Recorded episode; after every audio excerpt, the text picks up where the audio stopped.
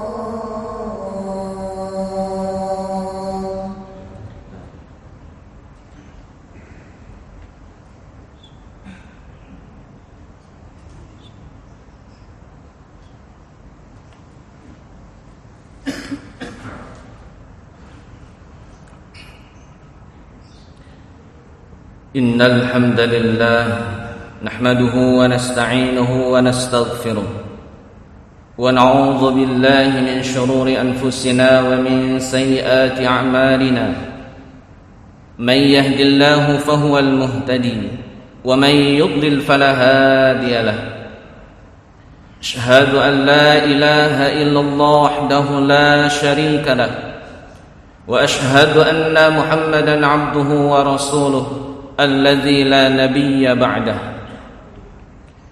اللهم صل على سيدنا محمد وعلى آله وصحبه أجمعين أما بعد.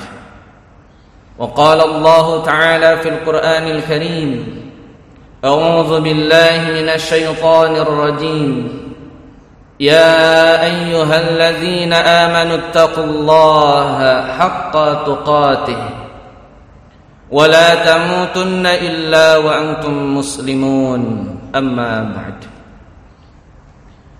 Hadirin sedang Jumaah rahimakumullah Alhamdulillah Di kesempatan yang mulia ini Kalimat hamdalah menjadi pembuka Kesempatan kita di tengah siang hari ini Berbekal harapan mudah-mudahan Seluruh apa yang telah Allah anugerahkan kepada kita di setiap detailnya mampu kita syukuri, mampu kita berterima kasih kepada Allah Azza wa Jalla.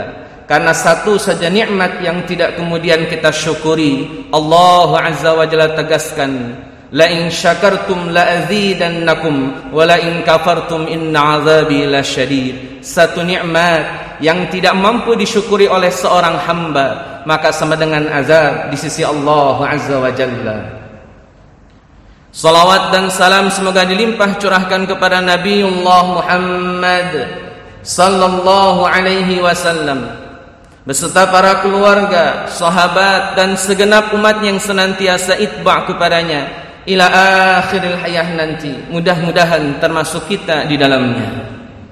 Hadirin sedang Jumaah rahimakumullah. Di mimbar yang mulia ini khatib wasiatkan agar setiap kita senantiasa meningkatkan nilai takwa setiap harinya, di setiap pekannya, di setiap bulannya, di setiap tahunnya. Karena Nabi sallallahu alaihi wasallam tegaskan, "Ittaqillaha haitsu ma kunta." Bertakwalah kalian di mana saja kalian berada dan tentunya kapan saja dan di mana saja kita berada. Hadirin sedang Jumat rahimakumullah. Di kesempatan yang singkat ini izinkan khatib sampaikan tiga buah peristiwa yang secara zaman berbeda tetapi hakikatannya peristiwa ini sama yakni peristiwa kurban.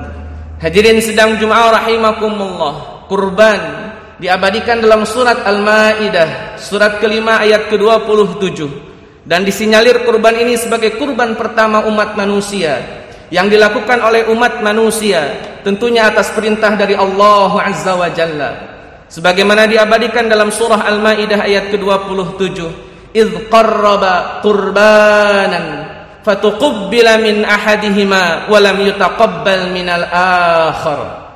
Hadirin sedang Jumat rahimakumullah disebutkanlah dua orang putra Nabi Adam alaihi salam. Dalam penjelasan Al-Imam Ibnu Katsir rahimahullahu taala bahwa dua orang putra Nabi Adam ini bernama Qabil dan Habil ini bisa dibuka dalam tafsirnya Ibnu Katsir rahimahullahu taala.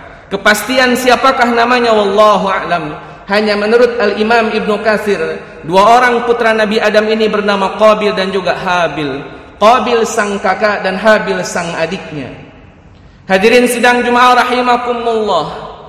Atas dasar sebuah peristiwa, kemudian dua orang ini diperintahkan berkurban.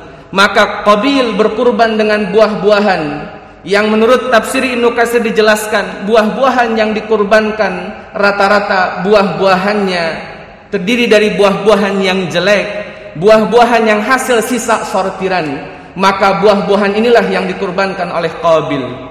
Adapun Habil, beliau ada seorang peternak, beliau mengkurbankan seekor kambingnya. Di antara sekian kambing ada satu kambing yang paling dia cintai, ada satu kambing yang paling dia sayangi, maka kambing inilah yang kemudian dikurbankan oleh seorang Habil. Maka hadirin sedang Jumat rahimakumullah. Ketika dua orang ini berkurban, maka Allah hanya menerima satu kurbannya saja, yakni kurbannya Habil yang mengkurbankan seekor kambing dan kambingnya adalah kambing yang paling dia sayangi, kambing yang paling dia cintai, kambing yang paling dia kagumi di antara kambing yang ia miliki. Hadirin sidang Jumat rahimakumullah maka Allah menerima kurbannya Habil. Dilanjutkan ayatnya ada kalimat inni akhafullaha rabbal alamin. Ungkapan ini disampaikan oleh seorang Habil. Kata Habil, saya takut kepada Allah Azza wa Jalla, Rabb semesta alam. Hadirin sedang Jum'ah rahimakumullah. Kalau kita ditanya, apa indikator kurbannya Habil diterima? Maka jawaban sederhananya adalah kurban ini dilakukan atas dasar khauf kepada Allah Azza wa Jalla. Kurban ini dilakukan atas dasar rasa takut kepada Allah Azza wa Jalla. Maka kalimat khauf, kalimat ini akhafullaha rabbal alamin menjadi indikator kenapa kurbannya Habil diterima. Yang kedua tentunya karena dari antara kurban Qabil dan Habil, kurban Habilah yang paling berkualitas, kurban Habilah yang paling punya nilai, maka wajar jika seorang Habil yang takut kepada Allah, wajar jika seorang Habil yang mengkurbankan sesuatu yang sangat spesial bagi hidupnya, kemudian Allah terima. Maka hadirin sedang Jumat rahimakumullah. takut kepada Allah dan mengkurbankan sesuatu yang spesial adalah indikator kurban itu diterima. Hadirin sedang jemaah rahimakumullah. Peristiwa yang kedua masih bertemakan kurban tapi beda zaman. Silakan hadirin sedang jemaah rahimakumullah di lain kesempatan membuka surah As-Saffat surat ke-37 ayat 102. Kisah ini merupakan kisah seorang Ibrahim dan putranya yang bernama Ismail alaihi salam. Saat itu hadirin sedang Jum'ah rahimakumullah Ismail adalah putra semata wayangnya Karena Ibrahim belum dikaruniai anak bernama Ishak saat itu Baru Nabi Ismail putranya Nabi Ibrahim alaihi salam saat itu Hadirin sedang Jum'ah rahimakumullah Sang anak semata wayang Ternyata Allah perintahkan melalui mimpinya seorang Ibrahim alaihi salam karena mimpi bagi para nabi adalah wahyu. Mimpi bagi para nabi adalah wahyu bisa perintah ataupun larangan. Maka Ibrahim alaihi salam memanggil sang putranya yang bernama Ismail alaihi salam. Kata Ibrahim di surat As-Saffat ayat ke-102, "Ya bunayya, inni ara fil manami anni azbahuk, fanzur mada tara." Wahai Ananda, Bapak bermimpi, sudah tiga kali Bapak bermimpi berturut-turut dan mimpi seorang nabi adalah wahyu bahwa ayah menyembelih kamu nak. Fangzur mada tara. Kira-kira pendapat antum bagaimana nak? Hadirin sedang jemaah rahimakumullah. Maka jawaban Ismail alaihi salam qala Ya abati fa'al ma tu'mar. Maka lakukan saja apa yang telah Allah perintahkan kepadamu. Satajiduni insyaallahu minas sabirin. Mudah-mudahan engkau mendapatiku sebagai orang yang bersabar karenanya. Hadirin sedang Juma'a rahimakumullah, kurban seorang Ibrahim kepada Allah Azza wa Jalla dalam kurung menyembelih sang anak semata wayangnya saat itu yakni Ismail telah ditunaikan oleh Ibrahim tanpa bertanya, tanpa sedikit pun bertanya, tanpa sedikit pun meragukan ini sebagai perintah Allah Azza wa Jalla. Ibrahim sami'na wa ata'na tanpa sedikit pun bertanya kepada Tuhannya. Padahal aktivitas yang dilakukan oleh Ibrahim bukan aktivitas biasa. Menyembelih sang anak. Anak yang dulu diidam-idamkan. Anak yang dulu dia doakan di setiap ibadahnya di setiap waktunya dengan kalimat Rabbi habli minas salihin anak ini kemudian Allah kabulkan lahir dari rahim seorang Hajar tapi kemudian setelah lahir Allah perintahkan untuk menyembelih sang Ismail hadirin sidang Juma'a rahimakumullah maka di ayat 103 nya Allah tegaskan falamma aslama. Hadirin sidang Juma'a rahimakumullah. Falamma aslama. Maka tatkala dua orang ini pasrah. Hadirin sedang jemaah rahimakumullah. Maka tatkala dua orang ini pasrah maka Allah azza wa jalla memberikan keajaiban bagi seorang Ibrahim di mana sang anak yang ia sembelih Allah tukar dengan seekor kambing. Hadirin sedang jemaah rahimakumullah. Apa indikator kurbannya seorang Ibrahim diterima jawabannya falamma aslama tatkala Ibrahim dan Ismail pasrah. Hadirin sedang Juma'a rahimakumullah. Kurban butuh kepasrahan. Jika kurban tidak pasrah kepada ketentuan Allah dan Rasulnya, maka kurban yang dilakukan hanya sebatas kurban fisikly, hanya sebatas kurban materi, tidak sampai pada hakikat kurbannya. Karena kurban menuntut kepasrahan kepada Allah Azza wa Jalla. Di saat kita pasrah kepada Allah, di situlah pengorbanan kita untuk Allah dan Rasulnya. Maka Ibrahim pasrah atas ketentuan Allah. Ismail pasrah atas ketentuan Allah. Karena kepasrahan itulah Allah terima kurban mereka. Hadirin sedang jemaah rahimakumullah. Kemudian peristiwa yang ketiga masih bertemakan kurban dilakukan oleh Nabi Muhammad sallallahu alaihi wasallam diabadikan dalam banyak literatur hadis Nabi sallallahu alaihi wasallam dalam hadis riwayat Imam Ahmad beliau telah selesai berkhutbah beliau telah selesai salat kemudian selesai berkhutbah maka didatangkan seekor kambing kepada Nabi sallallahu alaihi wasallam. Kemudian Nabi menyembelih kambing ini. Kemudian kata Nabi sebelum ia sembelih kambingnya beliau berkata bismillahi wallahu akbar. Hadza anni kata Nabi Ibrahim kata Nabi Muhammad sallallahu alaihi wasallam. Bismillah dengan menyebut nama Allah. Allahu Akbar Allah yang maha besar. Hadza anni ini kurban dari saya kata Nabiullah Muhammad. Wa amman lam yudhi min ummati dan kurban dari siapa pun yang belum berkurban di tengah-tengah umatku. Maka orang yang belum bisa berkurban seumur hidupnya pada dasarnya telah diwakili oleh Nabi Muhammad kurbannya saat itu. Amman lam yudhi min ummati. Hadirin sedang Jum'ah rahimakumullah lantas bagaimana kurban Nabi Muhammad? Diterimakah atau tidak? Hadirin sedang Jum'ah rahimakumullah. Demi Allah demi Allah. Tidak ada ulama yang berani menyatakan kurban seorang Muhammad tidak diterima. Maka kita akan yakini bahwa kurban Nabi Muhammad pun diterima. Yang menjadi pertanyaan adalah apa indikator diterimanya kurban seorang Muhammad sallallahu alaihi wasallam? Hadirin sedang jemaah rahimakumullah. Dalam surat Al-Hajj dalam surat Al-Hajj surat ke-22 ayat ke-37 Allah azza wa jalla tegaskan layyanalallah luhumuha wala dima'uha walaki yanaluhu taqwa minkum.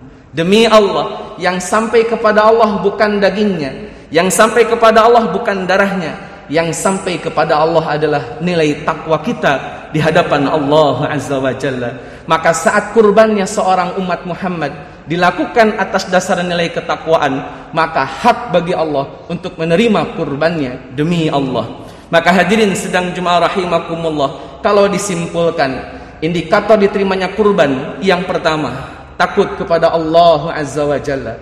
Yang kedua, pasrah kepada ketentuan Allah Azza wa Jalla. Dan yang ketiga, dilakukan atas dasar takwa kepada Allah Azza wa Jalla. بارك الله لي ولكم في القرآن العظيم ونفعني وإياكم بما فيه من الآيات والذكر الحكيم تلاوته إنه هو الغفور الرحيم